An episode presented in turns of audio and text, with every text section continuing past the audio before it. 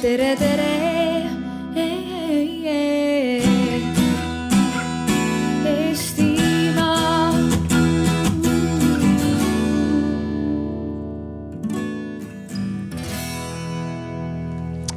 Mõtlesime teha natukene lõbusamas vormis või vähemalt kiiremas vormis äh,. sest me räägime nii tõsistest asjadest, et äh, muidu tuleb lihtsalt nutt peale. Ja otsustasime ka selle paneeliga, et me tahaksime rääkida natukene süsiniku ladustamisest, muudest äh, tulevikutehnoloogiatest, mis meid võiks võib-olla hädast vä- välja aidata. ja võtaks hästi globaalse perspektiivi, vaataks nagu päriselt sellele, sellele süsinikule näkku ja mõtleks, et, et mis siin maakera peal juhtub äh,. nii et võtame hetkeks ennast siit ilusast Paide pargist lahti ja lähme niimoodi kõrgele kosmosesse, vaatame seda planeeti ülevalt ja, ja mõtleme, mis meil siis päriselt tegelikult siin juhtub. kui me mõtleme planeedi peale, siis meie planeet on äh, äh, üksinda kosmoses, ainevahetust meil kosmosega praktiliselt ei ole, aga energiavahetus on. ja me oleme selles mõttes avatud energiaringiga süsteem, et päikeselt tuleb energia ja mingil määral kiirgab ka välja ja midagi jääb siia ka äh,. maakera on nagu natukene nagu päikesepatarei äh,, mis laeb ennast äh, päikese kiirguse abil ja üks põhiline selle kiirguse laadija molekule on äh, süsinik. Süsinik vesinikuga ja hapnikuga äh, tekitab keerulisi ühendeid, mis päikesekiirguse toimel erinevates protsessides äh, ladustub kas maapõue näiteks, geoloogilised protsessid, tekib savi ja igasugust muid toredaid asju. ja klorofüll on see molekul, molekul, kes oskab selle energia äh, talletada, muuta suhkruteks, valkudeks äh,, tahkeks ja jällegi see süsinik jääb maapinnale ja see süsinik muutub energiarikkaks molekuliks maapinnal. ja siis, kui me selle energiarikka molekuli võtame ja ühendame kokku hap hapnikuga, mida meil on atmosfääris, siis ta lendab sinna atmosfääri tagasi CO2-na. ja, ja siis maakera pind töötabki nihukese patareina, et ühesõnaga sinna maapõue tekib kogu aeg äh, juurde äh, seda süsiniku keerulisi molekule, milles on ener energiat talletatud ja atmosfääri läheb siis CO2, mis on nihuke energiavaene molekul mõnes mõttes ja selle saame pärast jälle maa, maapõue tagasi pista. ja selleks on põhiliselt kolm suurt protsessi. üks on geoloogiline protsess, mis kogu aeg uhub atmosfäärist süsinikku välja pikkade aegade, aastamiljonite ja sadade miljonite jooksul. teine on bioloogiline protsess, mis samuti on väga pikaajaline protsess ja uhub sealt atmosfäärist seda süsinikku välja ja samas tekitab sinna vaba radikaalset hapnikku. ja nüüd on lisandunud sellele tehnoloogiline protsess, inimene, kes võtab maapõuest neid energiarikkaid ühendeid erinevatel kujudel. ja mis me tahame sealt kätte saada, on energia. ja selle energia najal on üles ehitatud inimtsivilisatsioon kõik viimased tuhanded aastad sellesama süsiniku baasil oleme kaevandanud erinevates vormides äh, sedasama süsinikumolekuli äh, ja hapniku, süsiniku, vesiniku ja hapniku molekulidesse sidunud, seotud energiat mis on päikeseenergia sisuliselt, sest midagi muud praktiliselt seda elu siin maa peal ringi ei aja, kui, kui ainult see päike siis selle, selle päikeseenergia, mis aastamiljonite või isegi sadade miljonite jooksul on talletunud maapõue, oleme me nüüd sealt lahti kaevanud, selle energiaga oleme äh, tsivilisatsiooni üles ehitanud. aga ainukene jama selle juures on nüüd see, et seesama CO2 molekul, mis meil on seal teises patarei otsas, äh, soojendab ka kliimat ja nüüd meil on häda käes, kuna kliima soojenemine viimases raportis ennustati juba, et tegelikult me oleme äh, umbes pooleteist kraadi peal juba praegu. mis tähendab seda, et maa-ala peal, äh, kogu maakera äh, siis kuiva pindala peal, me oleme umbes kolme kraadi peal juba. ja kui me räägime kolmest kraadist kogu maakera temperatuurist, siis tegelikult linnades me võib-olla räägime isegi kümnest kraadist tõusust ja nendel teemadel me siis tahakski täna rääkida ja mul on siin külas on Martin Liira, on Tartu Ülikooli geoloog ja teadur. ja Martin, äkki sa räägid paar sõna kohe algusest sellest geoloogilisest protsessist, et kuidas see, kuidas see süsinik sinna, sinna maapõue äh, geoloogiliselt läheb ja mis, mis juhtub pikas ka ajaskaalas üldse süsinikuga? Mm? -hmm tere ka minu poolt, nii nagu mind tutvustati, mina olen Martin ja tulen Tartust. Ja hariduselt olen geoloog ja keskkonnatehnoloog ja äh, geoloogina on mul sihukene äh, suur võimalus olnud äh, natukene vaadata seda maakerale otsa pikema, äh, pikemas ajas perspektiivis. ja uskuge mind, selline vaade, see muudab sind äh, tahes-tahtmata äh, tekitab sinus aukartust maakera ja, ja looduse vastu kui sellise vastu. et läbi maakera ajaloo on olnud äh, perioode maakera ajaloos, kus äh, süsihappegaasi tase atmosfääris on olnud äh, mitte, mitte lihtsalt kordades kõrgem, vaid kümnetes kordades kõrgem. samal ajal on, on meil bioproduktsioon vohanud. maakera keskmine temperatuur on geoloogilises ajas olnud üllatavalt stabiilne. kui me jätame jääajad vahele, siis jäävaheaegadel on jämedates joontes maakera keskmine temperatuur olnud seal suurusjärk äh, kakskümmend viis kraadi. Äh, praegult on meil ta kuskil, kes ütleb, neliteist või, või viisteist? Midagi sellist, et oluliselt madalam, et me tegelikult niimoodi pikas ajas perspektiivis vaadates me tegelikult veel taastume viimasest jääajast muidugi mõista, absoluutselt, osad teist kindlasti mõtlevad, et äh, mis siis, mis siis sellest kasu on, ega sellest nagu väga kasu ei olegi, aga lihtsalt on hea teada, kuidas vanasti oli. ja isegi kui, kui kõik läheb äh, meil siin inimkonnaga kehvasti, siis äh, mina geoloogina usun, et maakera elab edasi aitäh. no nii ja, ja Martin tõepoolest äh, kommenteerib nüüd seda geoloogilist protsessi, vaatame, kas me jõuame varsti ka näiteks äh, inimtekkelise äh, süsiniku püüdmiseni. aga enne seda lähme ka looduslike protsesside juurde ja Aveliina Helm on vanemteadur Tartu Ülikoolist ja on ka äh, loodusrikkuse ÜRO paneeli asjatundja ja oskab rääkida, kuidas äh, loodus läbi ajastute ja, ja võib-olla ka praegu äh, selle süsinikuga tegeleb, et ma võiks paar numbrit siit öelda. viimases raportis öeldi, et umbes üks neljandik kuni üks kolmandik kogu fotosünteetiliselt aktiivsest äh, produktsioonist on inim, inimeste kätte valjastatud juba praegu. ja näiteks üheksakümmend kuus protsenti äh, kogu imetajate massist on kas lehmad, lambad või inimesed kuidas sa kommenteerid nihukest äh, loodussüsteemi, mis me oleme siia maakera peal püsti pannud? Äh, tere ka minu poolt. Äh, just, et räägime täna siin süsinikust või kliimast võib-olla kõige rohkem, aga, aga selle selline maakera toimib väga ühtse organismina, biosfäärina, kus kõik protsessid on omavahel tugevalt seotud. ja see, kuidas toimib kogu aineringe, see sõltub absoluutselt sellest, kuidas on äh, kogu ülejäänud elustik siin maakera peal jaotunud, äh, kuidas tal käsi käib, äh, kes parasjagu toimetab. et nüüd no laias laastus, et me võime siin hakata lahkama neid, neid numbreid, aga, aga võib-olla üks põhiline asi, millega ma kohe tahan, mida ma hästi selgeks tahan teha, on see, et kliimamuutus esiteks on reaalne, ma loodan, et me käime need numbrid kõik välja, eks ole, mis, mis on seotud emissioonidega ja inimtekkeliste protsessidega. kliimamuutus on, on väga reaalne ja suur oht, meil on väga vähe aega selle nii-öelda inim, inimtekkelise komponendi leevendamiseks ja looduskeskkond on üks nii-öelda üks paljudest, üks mitmest väga olulisest tegurist, eh, mille, millega me peame arvestama. et eh, paralleelselt kliimakriisiga rullub meil lahti keskkonnakriis, mida võib-olla ilmestavadki hästi just needsamad numbrid.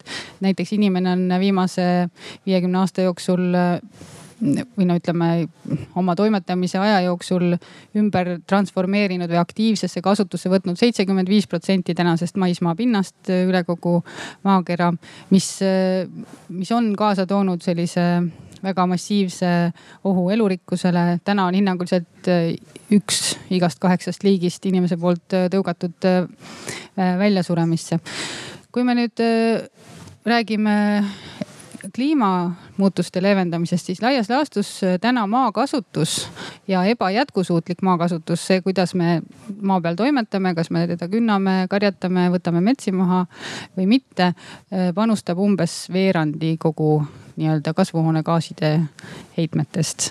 Äh, teisest küljest maakasutus samal ajal on ka võti ja võimalus kliimamuutusi leevendada just tänu vastupidisele protsessile, kui me oskuslikult maakasutust nii-öelda maaga ringi käime, looduslikke ökosüsteeme hoiame siis, äh, siis see annab meile sellise ühe olulise komponendi kliimamuutusega kohanemisel või kliimamuutustega võitlemisel. ja juba täna maakasutus ise leevendab või maa ise leevendab meie nii-öelda emissioone, et, äh, et kui me nüüd äh, mõtleme inimese poolt õhku paisatud süs-, kasvuhoonegaasidele, siis neist umbes poole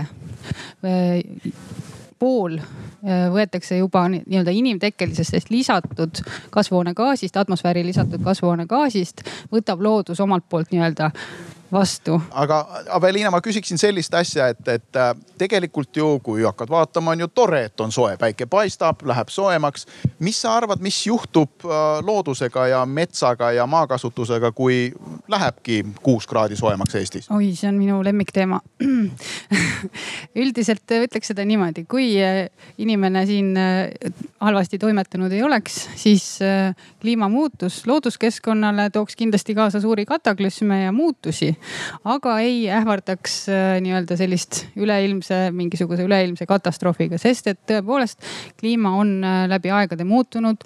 jääajad näiteks jääaegade jooksul on, on liigid kolinud äh, ikka lõuna poole, pärast jälle põhja poole tagasi ja ja ala lõpmata on toimunud selline dünaamiline protsess nii et äh, nii-öelda kliimamuutuse, muutus üksi maa pealt elu ei pühiks ega, ega midagi, midagi katastroofilist kindlasti kaasa ei tooks.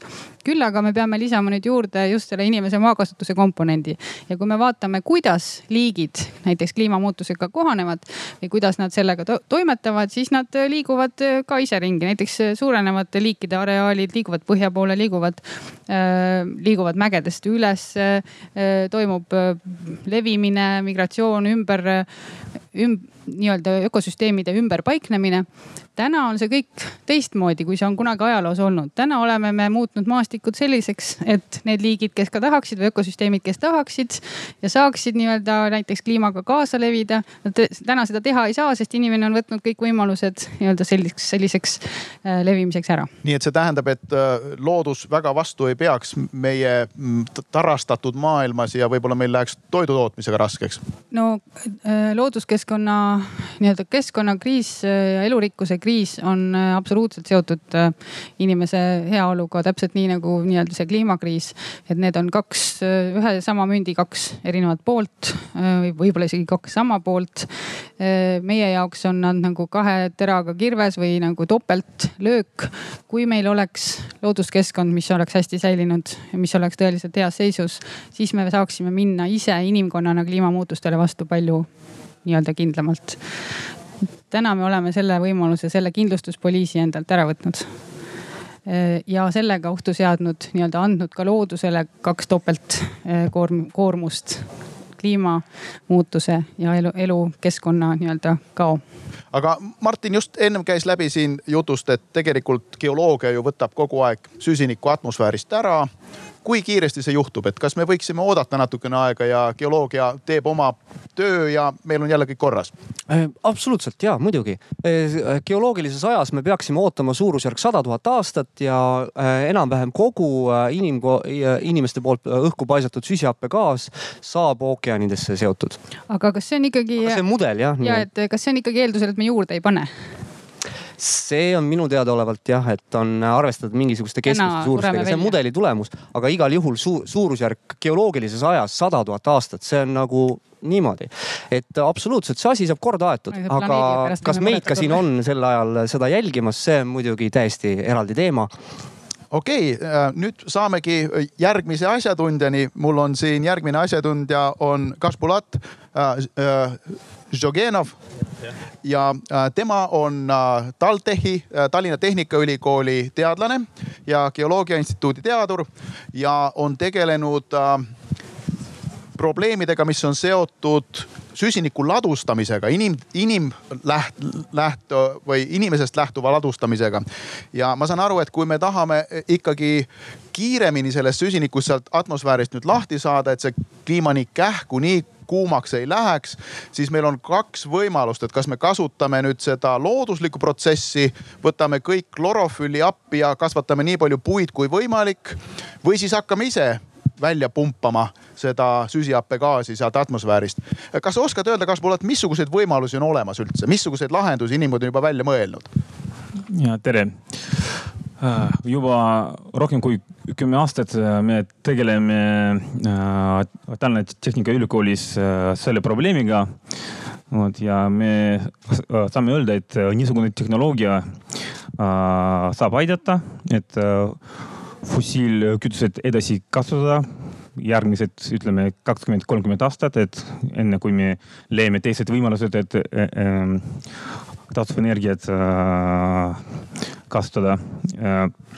siis see tehnoloogia CCS, CO2 capture and storage, me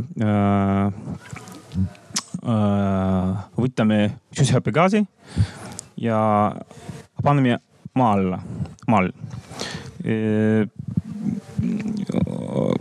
mul on doktoritöö selles teemas ja, ja saan öelda, et Äh, eelmised uuringud äh, näitasid, et Eestis niisugust võimalus, äh, võimalusi, et hoida maal ei, ei, ei olnud. me, ma leidsin, et Lätis on kõige lähedam asukohad maal ja moduleerisin, et see on võimalik, natuke mm, kallis, aga no kõik uued tehnoloogiad on, on kallimad, siis me peame võtta seda arvesse. vot ja, aga uued uuringud näitavad, et äh, äh, me saame ka leida Eestis ka äh, kohad, kus võib äh, hoida äh, süsihappegaasi, aga seda on vaja veel uurida, see on uued äh,, uus äh, teema ja äh, proovin äh, seda uurida, kui äh, saan grandi äh, postdoci. no nii, Avelinal on kohe seal käsi püsti ja tahab kommenteerida. ei, ma tahan kohe küsida, et noh, hinnanguliselt täna on atmosfääris üle nii-öelda umbes kolmsada gigatonni kasvuhoonegaase, süsihappegaasi ekvivalenti hinnanguliselt meie see süsiniku eh, eelarve või carbon budget, mida me üldse võime veel eh, atmosfääri paisata eh, inimkonnana on umbes no kuussada gigatonni ja nelikümmend läheb aastas. nelikümmend läheb aastas, no see kuskil kümme, kaksteist aastat, nii nagu see IPCC raport eelmine aasta ütles, et see on umbes see aeg, mis meil on äh, üldse asjade ümberkorraldamiseks. aga isegi kui me suudame viia aastaks kaks, kakskümmend viiskümmend või kakskümmend kolmkümmend äh, vähendada poole võrra oma emissioone, aastaks kaks tuhat viiskümmend äh, täitsa nulli, et meil ikkagi ripub atmosfääris üle päris kõvasti süsihappegaasi ja selle ekvivalente kasvuhoonegaase, eks ole. et äh, näiteks see tehnoloogia, carbon capture and storage, see on üks, äh, kui, kui me vaatame nüüd IPCC või valitsustevahelise kliimapaneeli neid arenguteid, äh, mis on inimkonnale nii-öelda võimalused, siis peaaegu kõigis neis esineb mingil määral seesama carbon capture. kui võimalik, kuna meil aega on tõesti vähe, näiteks kümme, kaksteist aastat, et kui äh, massiivselt seda saab ikkagi rakendada ja kas me oleme nagu, kui suure protsendi sellest üleolevast äh, nii-öelda kasvuhoonegaaside hulgast saame me siduda? näiteks äh, meil Eestis on aastas kümme miljonit, üksteist miljonit tonni äh, CO2 äh, emissiooni ja kui me leiame, näiteks ma leidsin Lätis üks suur struktuur, seal ma kalkuleerisin seal rohkem kui sada, sada miljonit tonni CO2 võib hoida, siis no kolmsada ma kalkuleerisin, siis see kolmkümmend, kolmkümmend aastase, no kolmekümne aastaseks sobib nii et see oleks niisugune e e Eesti jaoks puhver, millega saaks, võidaksime aega kolmkümmend aastat umbes. no ja, vot ja siis no meie maa saab noh kasutada fossiilkütused ilma üldse CO2 emissioonita. vot, kui kõik maad teevad seesama operatsioonid, siis me üldse ei, ei, ei, ei no, teki. praegu öeldakse, et umbes kolmkümmend seitse megatonni aastas suudab äh, need tehnoloogiad siduda juba hetkel ja see on umbes null koma üks protsenti kõigest, mis me hetkel, nii et vähemalt äh, tuhat korda suuremaks peame seda saama. ja hetkel on ennustatud, et see tehnoloogia tõstaks äh, energia hinda äh, kakskümmend kuni sada protsenti äh, aga noh, see tõesti, tõesti kõik tehnoloogiad alguses on väga kallid ja, ja kindlasti lähevad odavamaks. aga seal oli üks, üks tähtis küsimus tere, minu nimi Kalev Kallemets, et olen äh, Fermi Energiast ja püüame tuumaenergia võimalust Eestis arendada, et äh, meid väga huvitab CO2 püüe. sellepärast, et, äh, sellepärast, et kui me toodaksime uue põlvkonna tuumajaamast nagu vesinikku suures koguses, siis potentsiaalselt me saaksime nagu CO2 siduda selleks, et genereerida sünteetilisi kütuseid, CH4. et aga seal on üks aga et äh, DUP, direct air capture on äh,, on äh, hinnaga täna optimistlikud hinnad äh, on üheksakümmend kuni sada, kümme äh, dollarit tonni kohta. ja tänane EU ETS-i hind on äh, kolmkümmend euri, okei okay,, ehk ütleme kolmkümmend viis eur, dollarit. aga et punkt, punkt allikast, kui on puhas äh, emissioon on viiskümmend, kuuskümmend, kui on kompleksne emissioon, nagu on põlevkivikateldest eh, kus on sul PM ja, ja erinevad, eh, erinevates oksid ja noksid, eh, mida tuleb välja puhastada. siis on kompleksne nagu emissioon ja selle puhastamine ju sa jõuadki hinnani sinnasamma üheksakümmend. nii et täna on äh, oluliselt odavam reostada, kui äh, anda isegi kasutuseks äh,, kasutuseks äh, siis äh, äh, mingiks ringkasutamiseks põhimõtteliselt.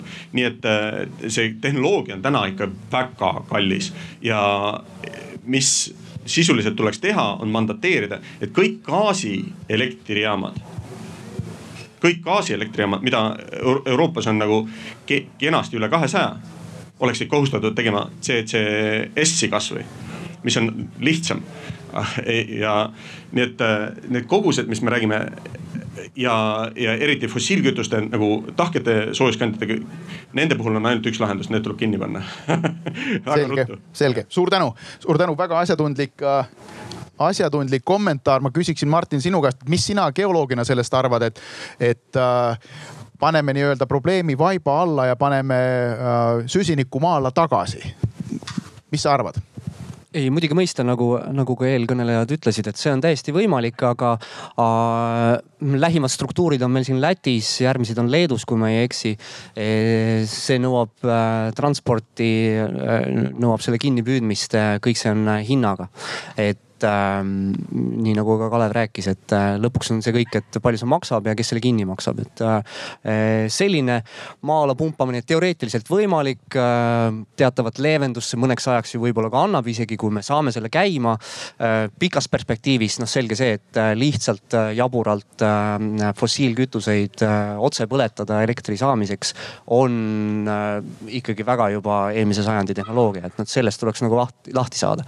samas eks ole, ilma fossiilkütusteta me lähikümnenditel noh ei kujuta küll ette, et inimkond saaks hakkama, noh et selle, selle, sinna me oleme kinni pannud, et äh, isegi kui me siin Eestis äh, äh, saame selle tehtud ja saame hakkama sellega, siis ikkagi suur osa maailmast, kes tahavad ka mm, pesumasinat ja nii edasi äh, lähevad selle lihtsama vastu. ja Hiinas nad hakkavad saama juba pesumasinad, aga Indias veel mitte, nii et vaatame. Aveliina, sul oli kommentaar selle asja kohta jah, ma tahtsin võib-olla kommentaariks öelda seda, et äh, jääks mulje selline, et on üks ja ainus lahendus, mis meile sellise väljapääsu annab, et äh, nii nagu ütles Kalev seal ja nii nagu vast siin tuli teistelt välja täpselt, et, et praegu see nii-öelda see väljakutse on tõeliselt suur ja kuna me oleme nelikümmend aastat istunud nende teadmiste otsas ja lihtsalt mitte midagi teinud, viivitanud, siis need täna tehtavad valikud peavad olema noh kas on õige öelda radikaalne, vist on, äh, väga massiivsed vähemasti ja mitte ükski üks lahendus ei toimi, vaid äh, toimib suur lahenduste pakett kõik koos äh, massiivne vähendamine, fossiilkütuste vähendamine, energia säästmine, see carbon capture and storage, kuidas ta eesti keeles on? ladustamine. ladustamine. aga ka näiteks siin ma toon nüüd sisse looduspõhised lahendused, maakasutuse muutus. täna on, ütleme järgmine, järgmine dekaad, aasta kakskümmend üks kuni kolmkümmend on ÜRO ökoloogilise taastamise dekaad. on hinnanguliselt ütleme maakasutuse muutusest tulnud maa degradeerumine, see, et me oleme käinud maa maakeraga, maapinnaga halvasti ringi. see mitte ei ole mõjutanud ainult seda, et meil on süsinikuemissioonid või kasvuhoonegaaside emissioonid. see mõjutab väga otseselt inimeste heaolu, kogukondade toimetulekut, toidu tootmisvõimekust, eh, jätkusuutlikkust, tervist, kõike, kõike. meil on degradeerunud maad maakeral umbes Lõuna-Ameerika suurune maa-ala maa, mis on degradeerunud sinnamaani, et ta ei, ei funktsioneeri enam nii, nagu ta looduslikult ja ütleme, heas seisus võiks funktsioneerida. Äh, hinnanguliselt on nüüd eesmärgiks võetud äh, taastada ökoloogiline taastamine ehk siis see, et oleks võimalikult loodusega kooskõlas kolmsada viiskümmend miljonit hektarit äh, maismaa pindala, mis ma loodan, et see on hektarid või mitte ruutkilomeetrit. äkki saad guugeldada ruttu, mul lähevad need kogu aeg sassi et äh, mille tulemusena mitte ainult ei ole võimalik parandada kohalike elanike või üldse inimkonna heaolu ja neid ökosüsteemi teenuseid või looduse hüvesid, mida me hädasti vajame, eks ole, näiteks puhas õhk, puhas vesi, viljakas muld. vaid siduda ka kolmkümmend kuni kuuskümmend gigatonni just sedasama üleolevat liigset süsihappegaasi, mis meil atmosfääris ripub. nii et looduspõhised lahendused saaksid tegelikult juba täna võetud eesmärkidest, et äh, meil on Pariisi kliimalepe, mille raames me tahame seista, jääda vähemalt äh, kahe kraadi, aga loodetavasti alla ühe koma viie kraadise soojenemise juurde. looduspõhised lahend, lahendused aitaksid täita sellest kuskil kolmkümmend, nelikümmend protsenti sellest eesmärgist, kui me seda os oskuslikult äh, ja kõikidele nii-öelda teaduslikele teadmistele tuginedes rakendaksime. et mis tähendab, et see on üks, üks ja väga oluline aspekt, aga ometi nagu sellest äh, kogu sellest suunast ikkagi inimestele tundub mõnevõrra sellisem seksikam ka, eks ole, sellised tehnoloogilised lahendused või on mingisugune illusioon, et kuskilt tuleb Bruce Willis, rebib särgi, on higine ja päästab maailma, toob mingi asteroidi või paneb mingisuguse muu äh, nalja püsti et kõik, kõik saab ikka lõpuks hästi. äh, et selliste traditsiooniliste lahenduste peale, et tõesti hoiame seda, mis meil on ja parandame, et see on kuidagi nagu vähem nii-öelda kõla, kõlapinna all. et, et siin just äh, tahaksin ja lisada, et äh, väga õige, et just, et need eelnevad näiteks carbon capture storage ja utilization äh, protsessid ja ka muud tehnoloogiad, mis äh, süsinikku uuesti kinni püüavad, seda taaskasutavad, sellest teevad midagi, midagi lahedat. näiteks hiljaaegu äh, lugesin artiklit, mikrobioloogid on võimelised suitsugaasist ehk siis CO2 ja vingugaasi segust läbi mikrobioloogi, bioloogilise reaktori etanooli tootma. noh, tõesti, ma olin nii, ma olin nii sillas, ma läksin kohe kõrtsi, võtsin kohe kaks õlut. sellepärast, et kujutate ette, et tossust tehakse viina, noh need suurepärased lahendused, aga kõik nad eeldavad seda, et me võtame, meil on mingisugune punktallikas, kust tuleb tummine juga seda, seda äh, äh, gaasi, millega me saame siis midagi peale hakata. et sellised nagu hajusad reostusallikad, nende puhul tuleb hoopis teistmoodi äh, lahendused äh, käsile võtta jah, seal on üks küsimus ma katsun visata. Peaaegu. Mul on küsimus selle tehnoloogia kohta, kui nüüd äh, inimene, kes mitte midagi ei tea sellest carbon capture and storage'ist, kuidas see välja näeb, see maa alla panemine, millist pinnast see nõuab, millised on geoloogilised nõuded ja ja milline see protsess välja näeb, kuidas ta mõjutab seda, mis on maa pinnal ja kui suurt pinda ta vajab selleks, et ütleme mingi tonn CO2 ladustada? kas pole? Uh,? No lihtne see küsimus nagu noh, et me kõik uued elektrijaamad on juba, juba peavad olema capture ready. Nad kinni püüavad CO2, eraldavad teised elementidest ja teevad CO2 nadavedelik ja toorde, toordega saavad äh, hoiukoha kohale äh, ja see koht on nagu äh, nafta või gaasi hoiuskoht, see no, me, me teame, et äh, gaas äh, elab seal miljonit aastat, siis see, on seesama, see, see, seesama protseduur, me paneme sinna, paneme kinni kõik ja ainult on vaja, on, on, on küll uurida, monitooring teha, et uh, kõik on uh, safe ja no, ei, ole, no leakage ei ole. jah, vot ja no lihtsalt on, on niimoodi uh,. veel on väga uh, huvitav tehnoloogia, kui me uh, näiteks uh, naftakohtades, kui juba uh, nafta võetud palju ja, ja rohkem ei lähe, siis me saame sinna kasutada seda CO2 ja siis nafta läheb veel uh, uue jõuga. see nimetatakse inglise keeles enhanced oil recovery vot äh, sellele võib äh, CO2 müüa ja me teame äh, palju naftafirmad, kes tahavad osta, aga ei saa leida seda, sellepärast keegi ei, ei, ei, ei. ei müü seda. ei müü seda ja, vot Venemaal ja, ja, ja teised Lätis ka, Leedus firmad ka proovivad leida ja noh, Eesti Energia no,, me rääkisime nendega, et palun tehke ja siis me saame äh, aidata seda müüa. vot, aga nad ei, ei ole, äh, ei olnud huvitatud. vot ja mida ma tahaksin veel öelda, et mis on kallim, jah, tehnoloogia on kallis praegu, aga mis on kallim?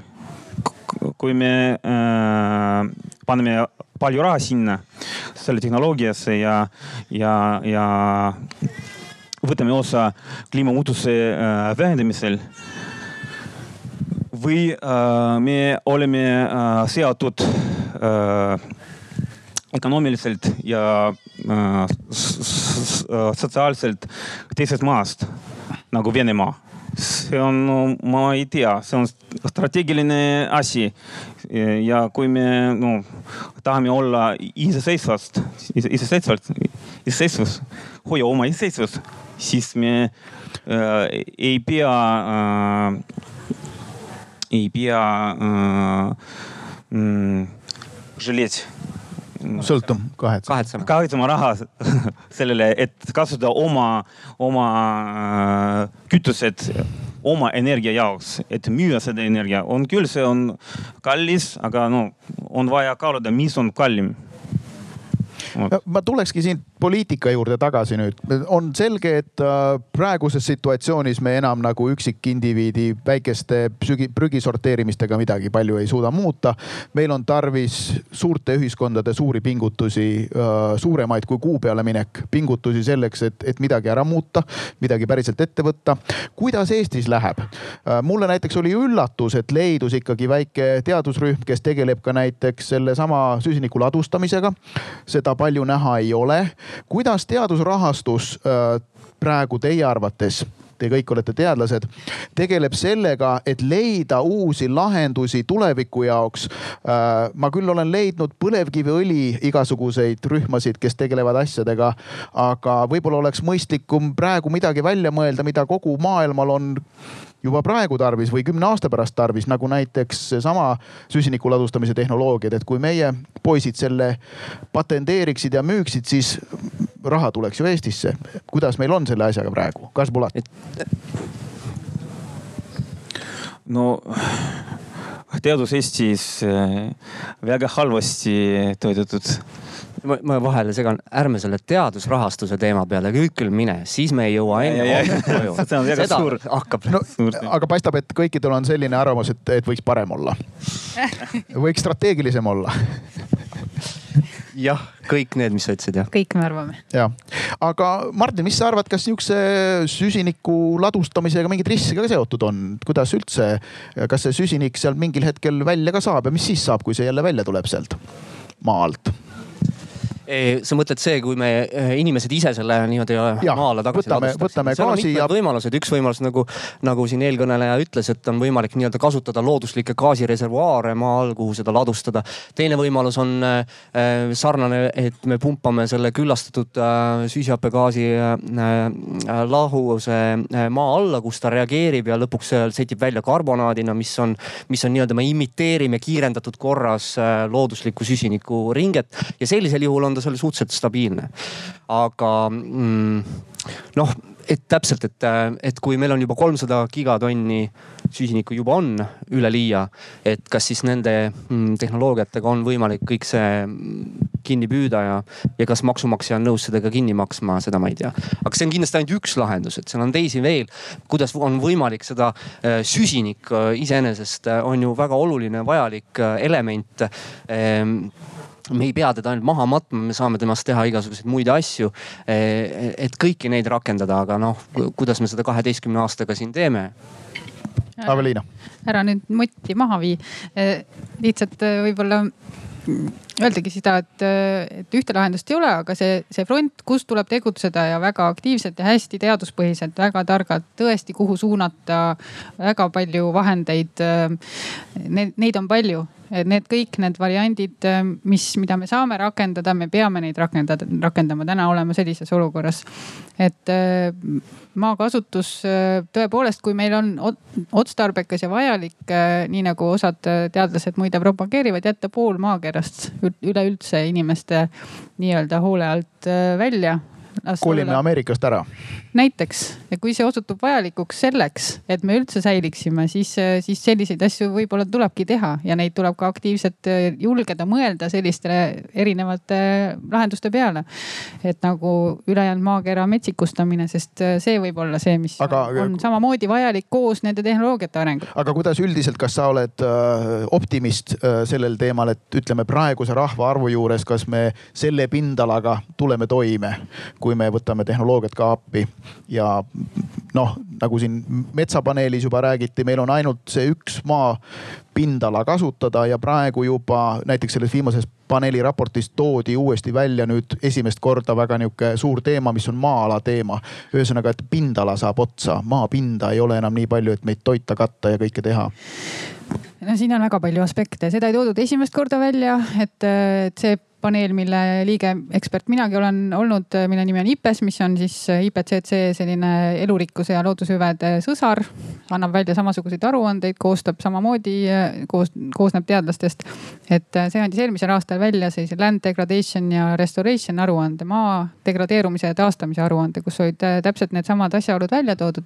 ning ei, vastus on, vastus on ei, me täna oleme väga raiskavad, lihtsalt hoolimatult raiskavad. me saaksime oma elu elada palju säästlikumalt, mitte ainult selles mõttes, et nagu kokkuhoiu mõttes säästlikumalt, vaid ka maakasutuse raiskavuse poolest oluliselt paremini.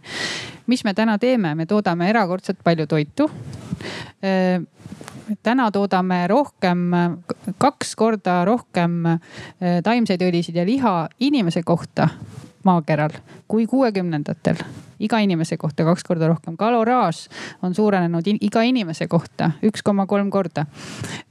ometigi oluliselt on otse loomulikult paranenud ka inimeste toitumus.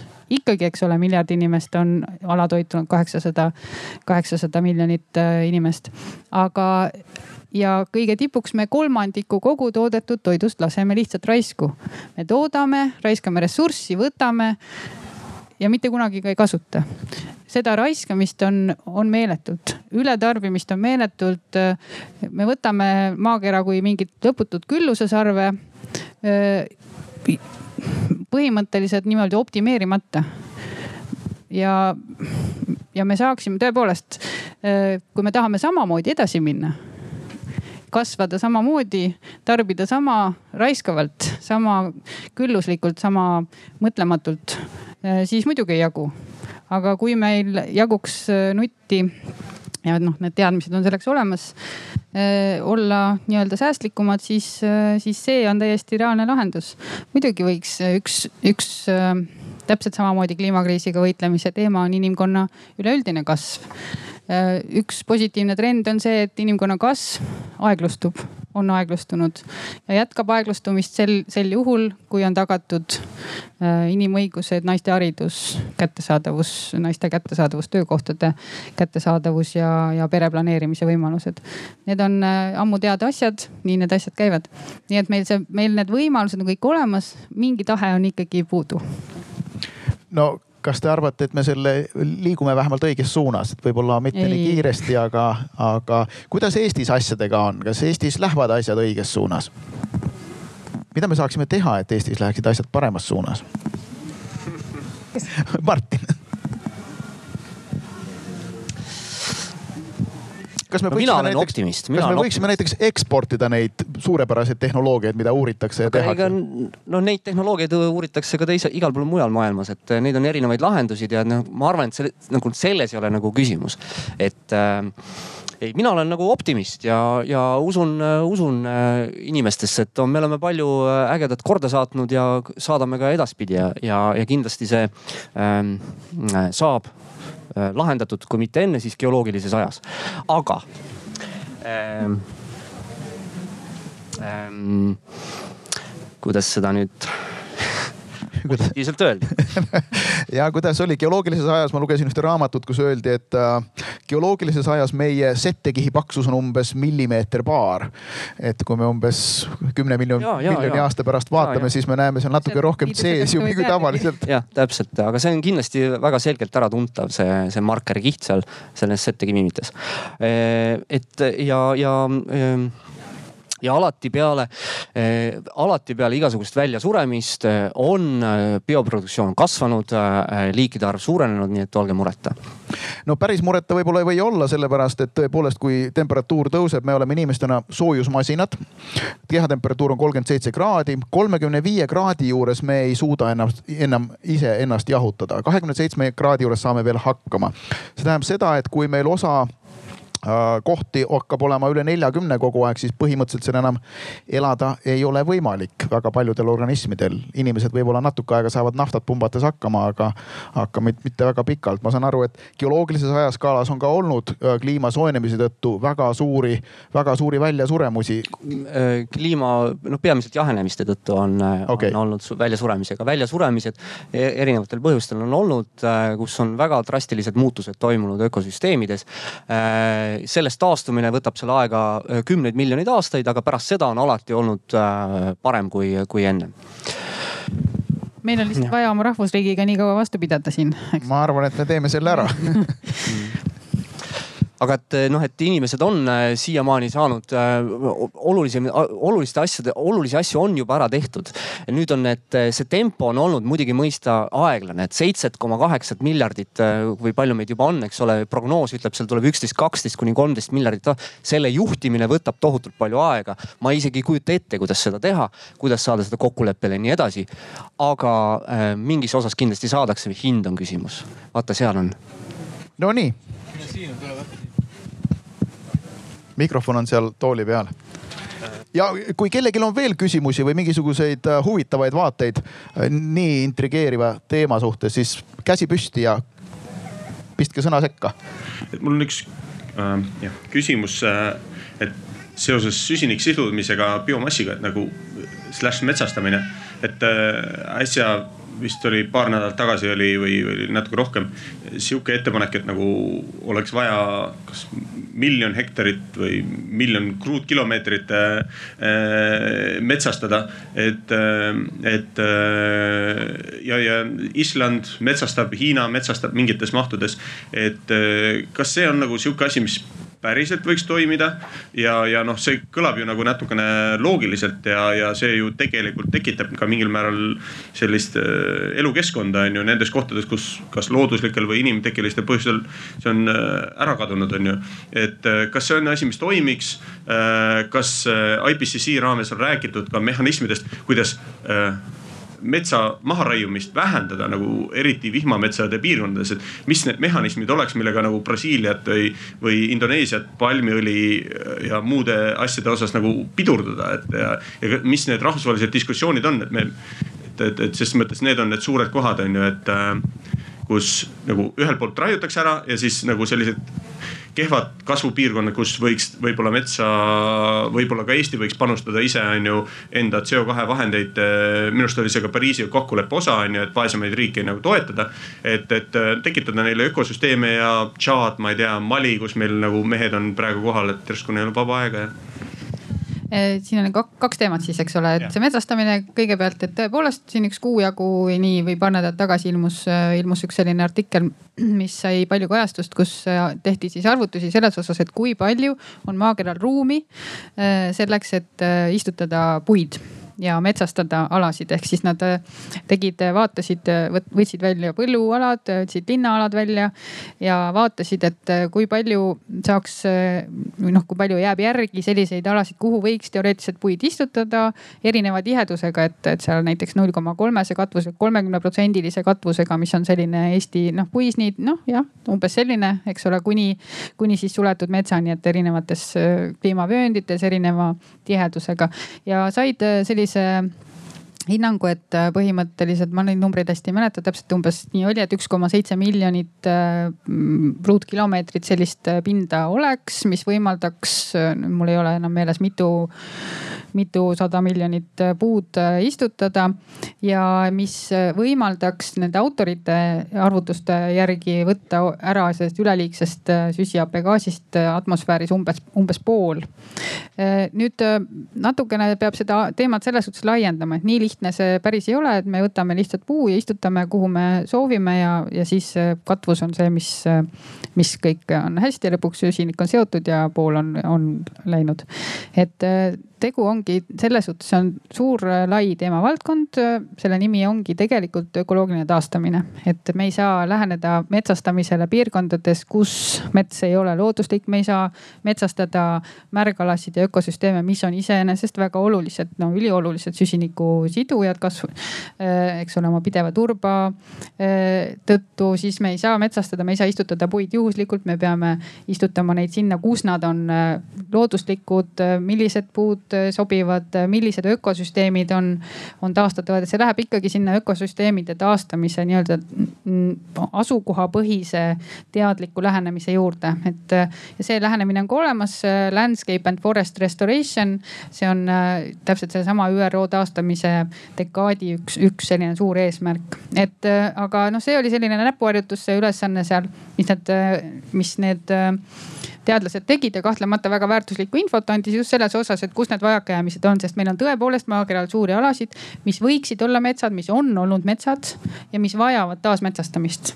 taasmetsastamine on äärmiselt oluline, oluline teema, aga no ma võin tuua palju näiteid sellest, kuidas taasmetsastamine on olnud, toonud väga negatiivseid tagajärgi. näiteks metsastamine eh, näiteks Californias eukalüptidega eh, massiivselt eh, istutati eukalüpte sellise gold rush'i ajal, et kus tegu on väga kiirekasvulise puuga, tegu on Austraalias natiivse puuga, mis, mis omakorda osutus seal Californias, muutus invasiivseks, ei andnud nii head puitu, kui soovis, aga rikkus ära nii-öelda äh, pinna või mm, groundwater äh, põhjavee, põhjavee taseme, sest et äh, eukalüptid on erakordselt nagu suure vee ülesvõtuvõimega.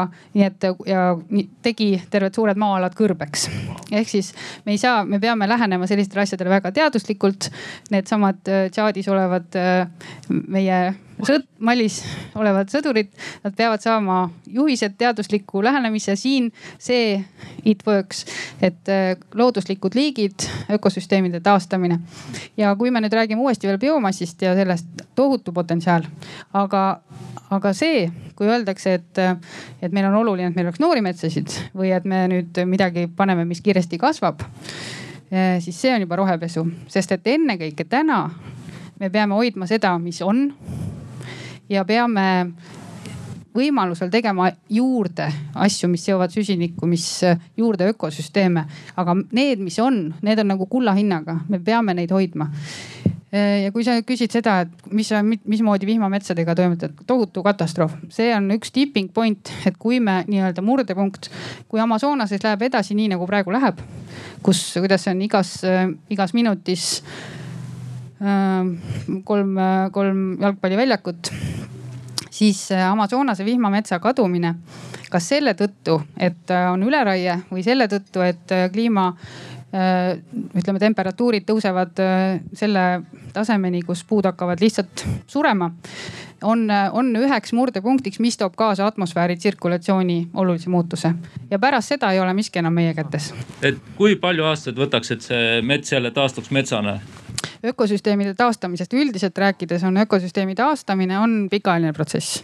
aga, aga mis on minu või üleüldine kogemus on see, kui antakse võimalus taastumiseks, kui sa lood äh, tingimused, siis äh, taastumine on valdavalt no kiire. Need tulemused, positiivsed tulemused on, äh, on esimeste dekaadide küsimus. aga kui sa muidugi võrdled seda, et milline on nii-öelda see olemasolev säilinud ökosüsteem ja siis see taastatud, siis see ajaskaala on no ikka sada, sadu aastaid. ja, ja. ma väike, väike kommentaar siia vahele, et me peame alati meeles pidama, et me oleme äh, ära põletanud energia välja võtnud mitte ainult praegu pinnal olevatest metsadest, vaid ka kivisöeajastu metsadest. aga, aga see on selles suhtes on taastamine kiire lahendus, et sa saad kohe lükata selle, mis on täna näiteks emiteerija, võtame rabad, meil on Eestis üleüldse maakera eh, maismaast on viis protsenti on märgalad, aga nad seovad ühe kolmandiku kogu maismaa süsinikust. kui nad on eh, emiteerijad, näiteks kuivendatud, siis nad eh, on olulised panustajad kliimamuutusesse, väga massiivsed panustajad. kui me taastame, muutuvad nad negatiivsest positiivseks, aga võib juhtuda ka vastupidi ja ongi juhtunud vastupidi. no nii, siin oli veel küsimusi seal rohelise särgiga. Amazonase kohta ma ei vastanud, aga. ma tahtsin paari asja öelda, et äh, Kaspar Valgepää, Tartu Ülikooli vanemteadur, et äh, metsadest rääkides see number oli vist äh, null koma üheksa miljardit hektarit oli see uurimus ja see on terve USA maismaa pindala, et see on päris suur ja seal on see efekt veel, et sul on taim, äh, lehtkate on tumedama värviga ja sa hakkad tegelikult hoopis äh, soojendama, et see ei ole päris nii lihtne, me nüüd paneme puid igale poole ja kõik on lahendatud. teiseks palmiõli koha pealt igaüks saab vali, valida seda, mida ta ostab poes. mina otsin Eestis iga päev nagu hull küpsiseid oma lastele, kus ei ole palmiõli sees. proovige ka leida, neid to tooteid ei ole palju te saate teha tarbijana valikuid, äh, kus, millega te ei toeta seda nii-öelda Näit... vihmametsade mahavõtmist. aga näiteks äh, nüüd lasi just Euro Euroopa Liit lasi käest võimaluse neid oma kaubandussuhteid Brasiiliaga just niimoodi disainida, et äh, me ei taha seda palmiõli, et siin jällegi tarbija kaela lükata, et sa pead otsima nagu huldiku tulega, et see pole noh jätkusuutlik. meil on teisi lahendusi. ma tahtsin tegelikult hoopis rääkida sellest, et ma ise tegelikult olen just üks teadlane, kes suitsugaasist, vingugaasist teeb bakteritega. täiesti, ma olin täiesti, ma lugesin nüüd artiklit selle kohta, ma olin nii sillas oli. suurepärane, võib-olla oligi siis meie töö, et üks asi, mis ta ei ole mainitud, on, mis on nüüd see kolmanda kolmanda põlvkonna nii CC tehnoloogia, mitte utilization ega storage, vaid sequestration, kus me tegelikult püüame kinni, mitte ei põleta ära nagu utilization'is kütusena, vaid me tegelikult püüame selle süsiniku kinni ringlusest tagasi. et üks variant on seda õhust püüda tõesti, antud hetkel on see majanduslikult kasulik, kui ta on point source nii-öelda, et ta on kontsentreeritud, aga on tehnoloogiad, mida siin mainiti kuskil üheksakümmend, kaheksakümmend eurot tonnis juba. kaks startup'i, üks äh, Šveitsist, teine Ameerikast suudavad püüda ja Siemens on praegu skaleerimas äh, üks maailma juhtivaid äh, tööstusettevõtteid seda tehnoloogiat tööstusskaalas, kus püütakse õhust CO2 ja tehakse selle, tehakse sellest bioplastikut ja kütuseid. et see on, see on nii-öelda saamas reaalsuseks ja, ja Eestis on selles vallas ka uurimustööd käimas, nii et need need variante tuleb kindlasti kombineerida, aga ma arvan, et see süsiniku matmine on nagu äh, vaikselt hakkamas niimoodi maha rohnamas, et inimesed näevad seda kui äh, rohkem ressurssi ja üks asi, mida pole üldse mainitud siin, mis minu jaoks on huvitav äh, selles üritusel, et ei ole räägitud üldse jäätmetest. Kaks tuhat kakskümmend on Eestil kohustus nagu kõikidel teistel Euroopa Liidu riikidel ringlusse võtta viiskümmend protsenti jäätmeid. hetkel me teeme seda kolmkümmend üks protsenti ja kui me seda ei tee, siis me saame suurema suhkru, suurema trahvi, kui me saime suhkrutrahvi ja me räägime siin, et kas me investeerime kakssada miljonit tuuleparkidesse, siis me saame sada miljonit trahvi. siis tegelikult jäätmetest samamoodi, me praegu saadame kõik ilusse, põletame CO2-ks, maksame sellest trahvi. selle asemel, et seda süsinikku tegelikult püüda ja kasutada ära äh,, sekvestreerida kemikaalidesse. et seal on, seda pilti peaks suuremalt vaatama, et taastuvenergia, kuidas süsinikku hoida ringluses, kuidas jäätmed tekivad ja kõik äh, need asjad, et see peaks olema selline globaalsem.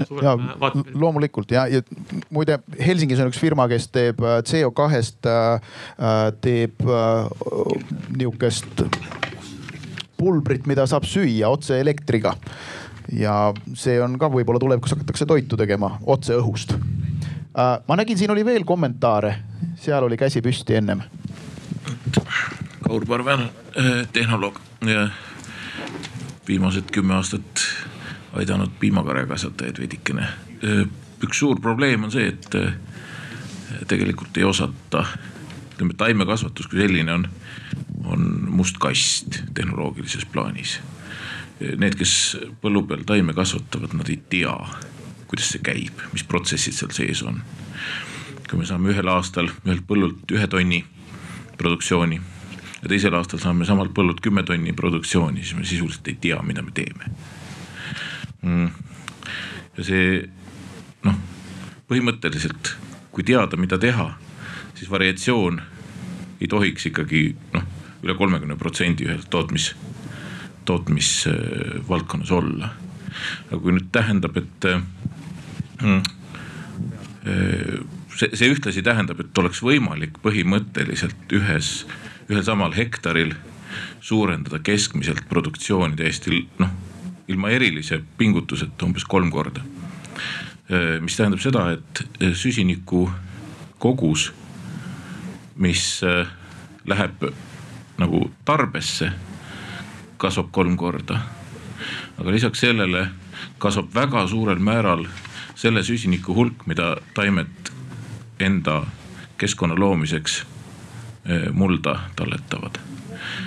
Selle süsiniku käivet ei osata sisuliselt praegu kalkuleerida. kas üks süsiniku aatom käib taimekasvatuse perioodi jooksul läbi kaks korda või kakskümmend korda või kakssada korda taimest, seda ei teata, aga see on nii tohutult suur vahe oskab keegi kommenteerida selle asja kohta?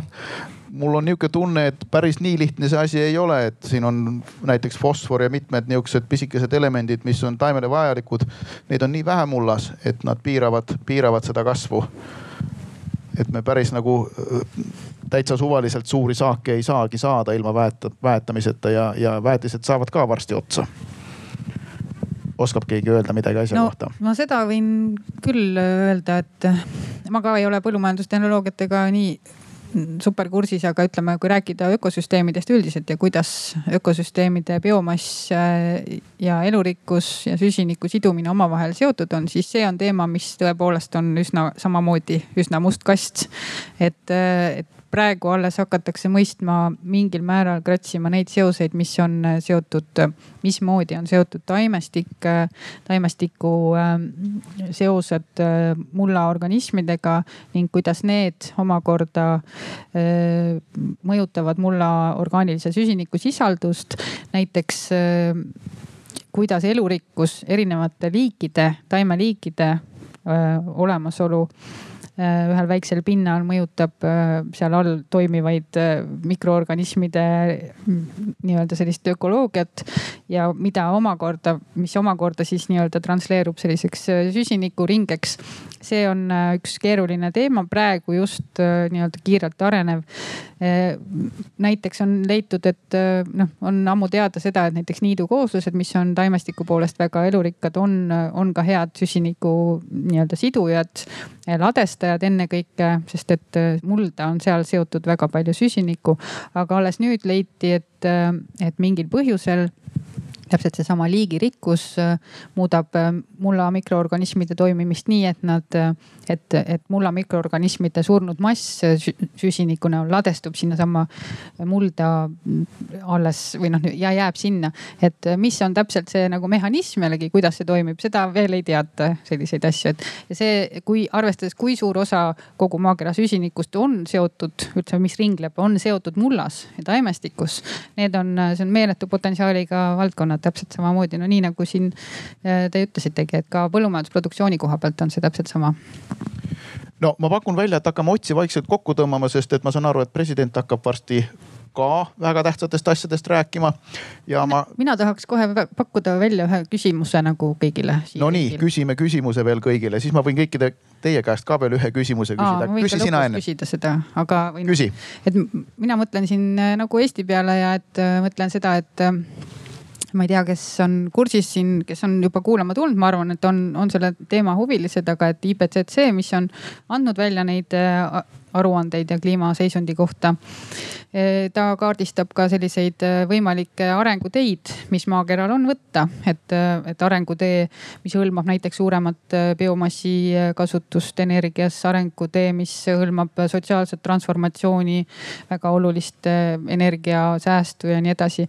ja, ja kaardistab nii-öelda, sest iga arenguteega, iga võimalusega on seotud oma lõivsuhted. sa teed ühe valiku, sa saad mujal nii-öelda, sa pead mujal järgi andma, et kus on need kohad, kus äh, asjad on omavahel seotud et äh, mis te arvate siin nagu publikum ja lugupeetud panelistid siin ka, et kas Eestil ei oleks aeg kokku panna oma selline paneel, mis kaardistaks Eestile reaalsed äh, arenguteed järgnevaks ütleme kahekümneks, kolmekümneks aastaks, sest me tegelikult ka peame jõudma süsinikneutraalse majanduseni aastaks kaks tuhat viiskümmend vähemasti, aga just täna käivitati, ma saan aru, siinsamas rahvaalgatus, et Eesti peaks jõudma kliimaneutraalseks koos kogu Euroopa Liiduga tegelikult tegelikult aastaks kaks tuhat kolmkümmend viis. et äh, see nõuab raskeid valikuid ja see nõuab väga teaduspõhist lähenemist ja erinevatest lõivsuhetest aru saama. et kes oleks nagu selle poolt, et, äh, et Eestis võiks olla selline võiks rakendada sellise teadus kokku, kokku kutsuda sellise poolsiduva äh, teaduspaneeli, mis annaks väga informeeritud valikud meie nii-öelda noh, valitsejatele et võtke jätke, need on need Eesti rajad, kuidas me saame minna. Nonii, kes on poolt, käsi püsti et kas sellel oleks nagu noh, potentsiaali mingisugust? ei tea, pooled olid poolt no,. Martin, äkki sa oskad öelda, kas sinu arust võiks olla teadlased rohkem kuidagi integreeritud? muidugi, et igasugused, mis iganes äh, lahendusi meil on, meil on vaja seda teadmistepõhiselt teha, siin, siin ei ole mingit kahtlust, et me muud moodi ei saa väga täpselt äh, fakte järgides ja, ja väga täpselt äh, äh järgida, numbreid vaadates. Äh, no samas äh, ei taha nüüd motti küll maha tõmmata, aga et äh, nagu, nagu ka Aveliina ütles, et meil on see tegelikult, meil on põhimõtteliselt on see teadmine olnud juba mitukümmend aastat ja ega suhteliselt midagi ei ole juhtunud. isegi kui me sellise äh, aruande agenda kokku paneme, sellest kindlasti on abi, aga kas sellest ka midagi muutub, see on nüüd iseasi.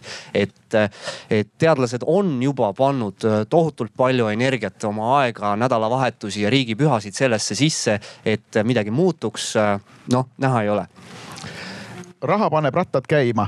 kas aga... Ulat, kas sinu arvates võiks olla näiteks sellest samast äh, süsiniku ladustamise ja püüdmise tehnoloogiast e-, Eestile Nokiaks? et kas sellest võiks tulla nihuke äri, et Eesti saaks sellega tegeleda, et kas selle teaduse põhjal me võiksime ka teenida natukene? mul on äh, selle kohta ka küsimus kas äh, me, me nagu Eesti Vabariigi kodanikud oleme valmis maksta kaks korda rohkem äh, e e energia eest äh, või me oleme valmis olla sõltu mm sõltuvad teistest energiaallikatest, teistest riikidest. ja teistest riikidest ma mõtlen, et äh, mina tahaksin äh, maksta roks, ro, ro, rohkem ja olla iseseisvas äh,. vot ja, ja, ja kui me mõtleme niimoodi, siis on küll, me peame seda tehnoloogia implementeerida ja see on valmis, see on uuritud ja lihtsalt natuke kallis äh, kliimamuutus on ka väga kallis. ja, ja kliimamuutus on, on, on, on, on ka kallis, aga me, no inimesed ei tunne seda, nad ei saa seda aru, sellepärast nad äh, ainult mõtlevad noh oma rahakoti äh, eest ja selleks on tarvis riiklikke poliitikaid, et ega see on, see üksiku inimesena on enam väga raske midagi teha, et see maksude ja teaduse ja muu poliitika peab meil neid lahendusi hakkama otsima ka, mitte ainult üksik prügisorteerija absoluutselt ja arvestades, kui palju täna läheb avalikku raha subsiidiume näiteks fossiilkütuste toetuseks äh, nii otseselt kui kaudselt äh, nende nii-öelda mõjude kinnimaksmiseks hinnanguliselt Maailma Valuutafond ütles, et see on viis koma kaks triljonit dollarit äh, maailmas, mis aastas, mis on väga suur summa et kui sellest osa äh, katta, ütleme, nad ka hindasid alles hiljuti, et kui juba kümme protsenti nendest otsestest subsiidiumitest, mida on umbes viiesaja miljardi jagu, suunata uutesse tehnoloogiatesse, siis see käivitaks olulise sellise kaskaadi ja, ja transformatsiooni. nii et meil on, me tegelikult üksikisikutena saame väga vähe ära teha, me peame, mis me saame teha, nõuda nõuda, nõuda. paremaid poliitikuid. nõuda paremaid poliitikuid, paremaid poliitikuid.